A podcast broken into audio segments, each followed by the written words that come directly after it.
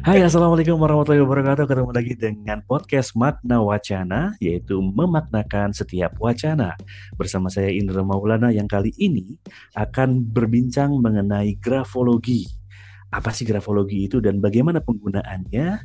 Kita sudah hadir seseorang yang menekuni bidang graf grafologi atau disebut juga dengan seorang grafolog yaitu Laksmira Ratnabayu Arti atau biasa disapa Ibu Mia. Selamat malam Ibu Mia, apa kabar? Selamat malam Pak Indra, Alhamdulillah baik. Baik, baik Gimana koneksi Pak Indra bagus kabarnya? ya. Aman ya. Sambil Bu Mia, ketawa ini eh, grafologi itu belakangan banyak banget ya, banyak banget eh, informasi dan juga eh, apa pun hal terkait dengan ini dan memang juga penggunaannya aku lihat juga banyak banget di bidang pendidikan, di bidang eh, perkembangan anak, kemudian juga di bidang industri dalam hal ini mencari orang, wawancara dan segala macam juga ada grafologi.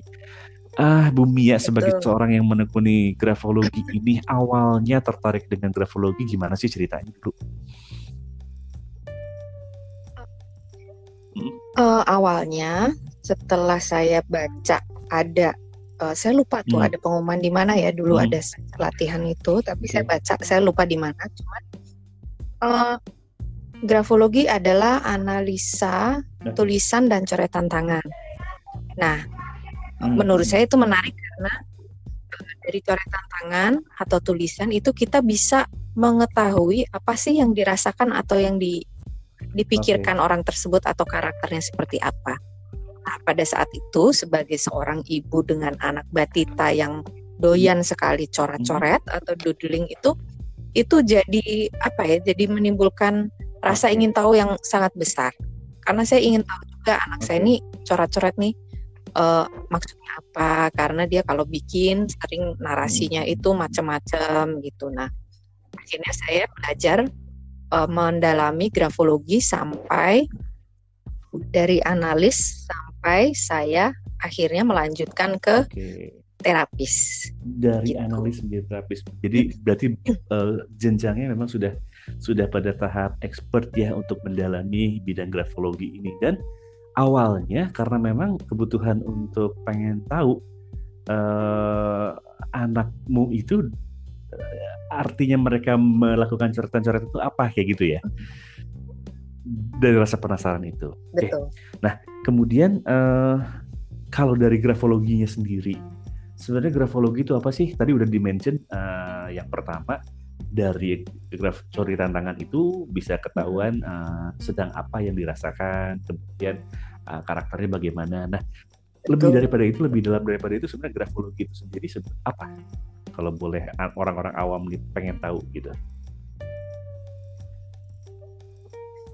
Eh, grafologi grafologi itu adalah ilmu yang eh, menganalisa coretan atau tulisan tangan kemudian diinterpretasikan secara psikologis. Artinya gini, artinya ketika kita menulis apa pun itu isinya, baik itu kita eh, bermaksud untuk menulis eh, dengan Mhm. isi sedemikian atau kita hanya asal coret-coret saja itu tanpa disadari oleh orang tersebut eh, bagi grafolog itu dia bisa mengetahui kurang lebih karakternya orang ini seperti apa kemudian kondisi emosinya seperti apa kemudian eh, bagaimana sih eh, gaya berpikirnya seperti apa kurang lebih seperti itu. Oke, Jadi ada ada ada kata-kata tanpa disadari ya, tanpa disadari ternyata Betul. tulisan atau coretan itu bermakna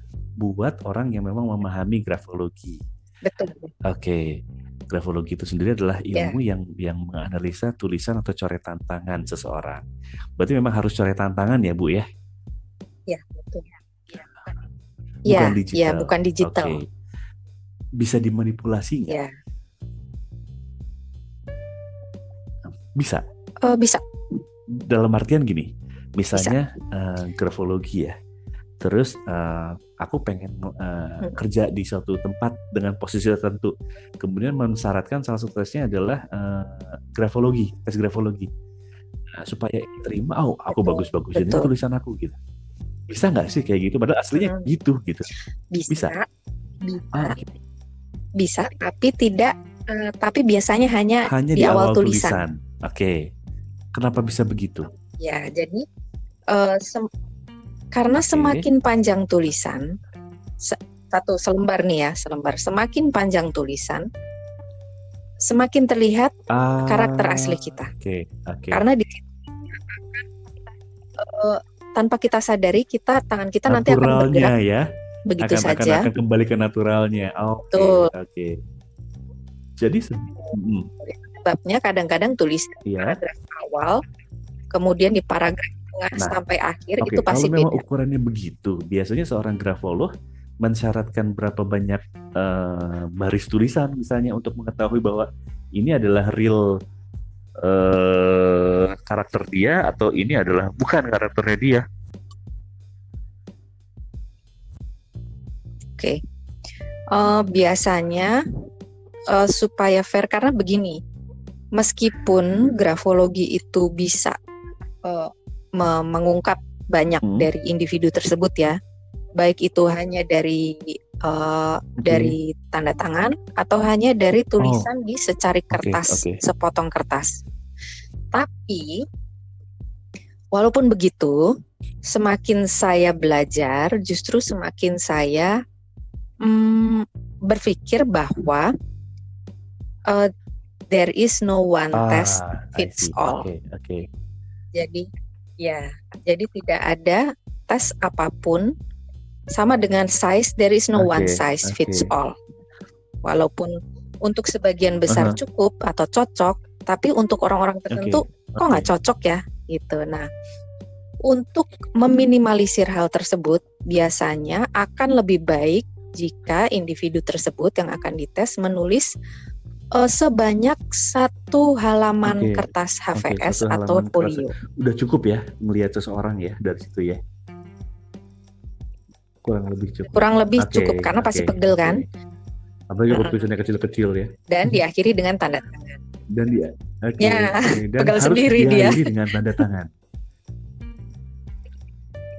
Sebaiknya diakhiri dengan hmm. tanda tangan karena apa? Karena tanda tangan adalah image yang ingin ditampilkan wow. oleh individu tersebut. Jadi selain foto selfie pun Tuh. tanda tangan itu kayak eh, apa namanya etalase dirinya ya di, di, di, yang ingin dilihat oleh orang lain ya. Betul. Oke. Okay. Betul, itu sebabnya kan uh, tanda tangan tanda tangan itu tidak jarang orang memiliki ta suatu tanda tangan itu terinspirasi dari okay. tanda tangan yang lain. Oke, okay.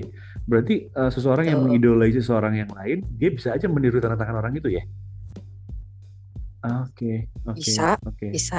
Nah, apakah dengan begitu otomatis karakternya berubah? Menjadi idolanya itu? Enggak. Tidak berubah karena enggak, enggak karena kalau dia betul-betul menggunakan itu hmm. buat tanda tangan dia sendiri, hmm. dia menjiplak ya lama kelamaan ah, akan keluar okay, bentuk okay, aslinya. Okay, okay. Jadi kembali lagi uh, dengan waktu akan terungkap sesungguhnya siapa jati dirinya ya. ah, menarik ya, banget, menarik banget. Tapi gini, uh, kembali kepada grafologi itu sendiri, itu kan coretan tangan ya. Apa pun itu mau garis, mau lengkung, mau mau tekanan uh, di kertasnya, mau setebal apa pun, setipis apa pun. Tapi gimana sih, gimana mungkin dari itu semua kemudian seorang grafolog bisa mengetahui karakter seseorang gitu? Apakah ada rumusnya? Misalnya lengkung oh, itu jadi... sama dengan gitu, tebal itu sama dengan gitu gitu gak sih? Iya. Oh, oke, oh, oke. Okay, okay. Iya, okay, ada okay. dong. Gimana? Ini bukan sesuatu yang konfidensial kan untuk disampaikan? Jadi Oh, oh saya nggak okay, kasih okay, tahu okay, interpretasi okay. per ininya ya. Saya hanya kasih kasih contoh uh, apa saja seperti misalnya nah, spasi. spasi. Okay, Nah, spasi spasi okay. lebar antar kata atau spasi itu uh, okay, dekat okay. per kata. Nah, spasi itu spasi itu akan bisa menjelaskan hmm. pada kita bagaimana sih uh, hubungan spasi, sosial dia. Hubungan sosial. Apakah okay. dia betul? Apakah dia mm -hmm. tipe penyendiri gitu? Ataukah dia tipe yang harus selalu bersama teman-temannya? Kalau nggak nggak rame okay. dia nggak termotivasi. Atau dia uh, bisa memutuskan sesuatu kalau bersama teman-temannya dengan kata lain teman-temannya okay. bisa memberikan pengaruh atau dia seorang yang mandiri tapi itu berarti kalau dia seorang yang mandiri dalam berpikir dan bertindak itu berarti dia biasanya tipe yang uh, lebih suka berteman itu hanya kurang lebih paling banyak lima oh, orang deh. Gak gitu. banyak temannya. Nah, spasi itu. Oh. Ya, spasi okay. itu bisa menjelaskan. Semakin spasi. kecil spasi seseorang, Kemudian, berarti semakin ya orangnya ya. sosial banget gitu ya. Uh, ya, semakin dia bergantung, bergantung dengan lingkungan itu sosial. Itu baru dari spasi loh, Bu. Baru spasi. Itu baru spasi. Oke. Okay. Nah, ukurannya hmm. kalau memang itu bicara ukuran, kan uh, apa namanya lebar atau sempit kan apakah ada standar berapa senti gitu? Uh, kita akan membutuhkan ukuran itu hmm. sentimeter itu apabila uh, di dalam satu tulisan satu orang ini beragam oh, spasinya. Okay. Ada yang agak dekat, okay, okay, ada yang okay. lebar banget gitu. Nah, itu kita perlu hitung. Kemudian kita uh, lihat mayoritasnya yang mana. Oke, oke. Oke, oke. Begitu. Iya, iya, iya, ya. menarik ya. Jadi ada juga kan orang yang yang nulis itu kan menarik. tempo lebar, tempo sempit gitu. Apalagi kalau udah di ujung kertas ananggung gitu kan. gitu. Mm, iya, iya. Itu baru butuh ada. butuh uh, penggarisan ya buat ngukur uh, rata-ratanya berapa sih gitu ya. Oke. Okay. Biasanya hmm. yang dibutuhkan itu kita butuhkan itu adalah bu busur, busur derajat. derajat. Oke. Okay. Busur derajat dan okay, kaca okay, pembesar. Okay. Busur derajat untuk melihat kemiringan tulisan atau mm -hmm. kemiringan huruf. Apabila kita lihat sepintas ini tulisannya sangat lurus, betul nggak sih ini lurus oh, betul? Atau sebenarnya okay, dia okay, tuh okay, agak okay, miring? Okay. Gitu.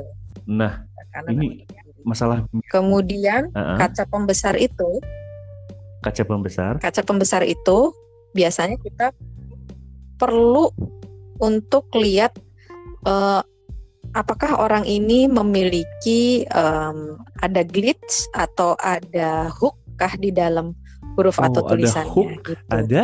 Gitu, Pak. Apa tadi, Bu? Uh-uh. Ada hook glitch. atau ada glitch ataukah ada uh-uh, ataukah oh. ada coil gitu. Nah, biasanya itu yang terlihat hampir tidak terlihat tapi sebenarnya okay. ada itu hook. Gitu. Ada hook, Begitu, ada glitch, Pak. ada coil. Istilah-istilah uh, tidak familiar lagi yang hmm. kita dengerin ya. Istilah, Tapi ini semua yeah. itu biasanya ada di setiap tulisan atau mungkin ada yang hooknya doang yang dominan gitu, glitch sama coilnya enggak gitu atau gimana? Uh, ya, nggak selalu ada. Biasanya uh, glitch, biasanya ini glitch dan uh, ink, blot. Okay. Itu akan ink blot. Jadi bukan yeah, blood yeah, ya, bukan darah gitu. ya, tapi blot. Gitu. Uh-huh. Ink blot itu, mm, itu biasanya muncul pada individu yang memiliki kondisi uh, wait, fisik yang kurang wait, sehat. Wait, wait. Ingbloat yang gimana nih?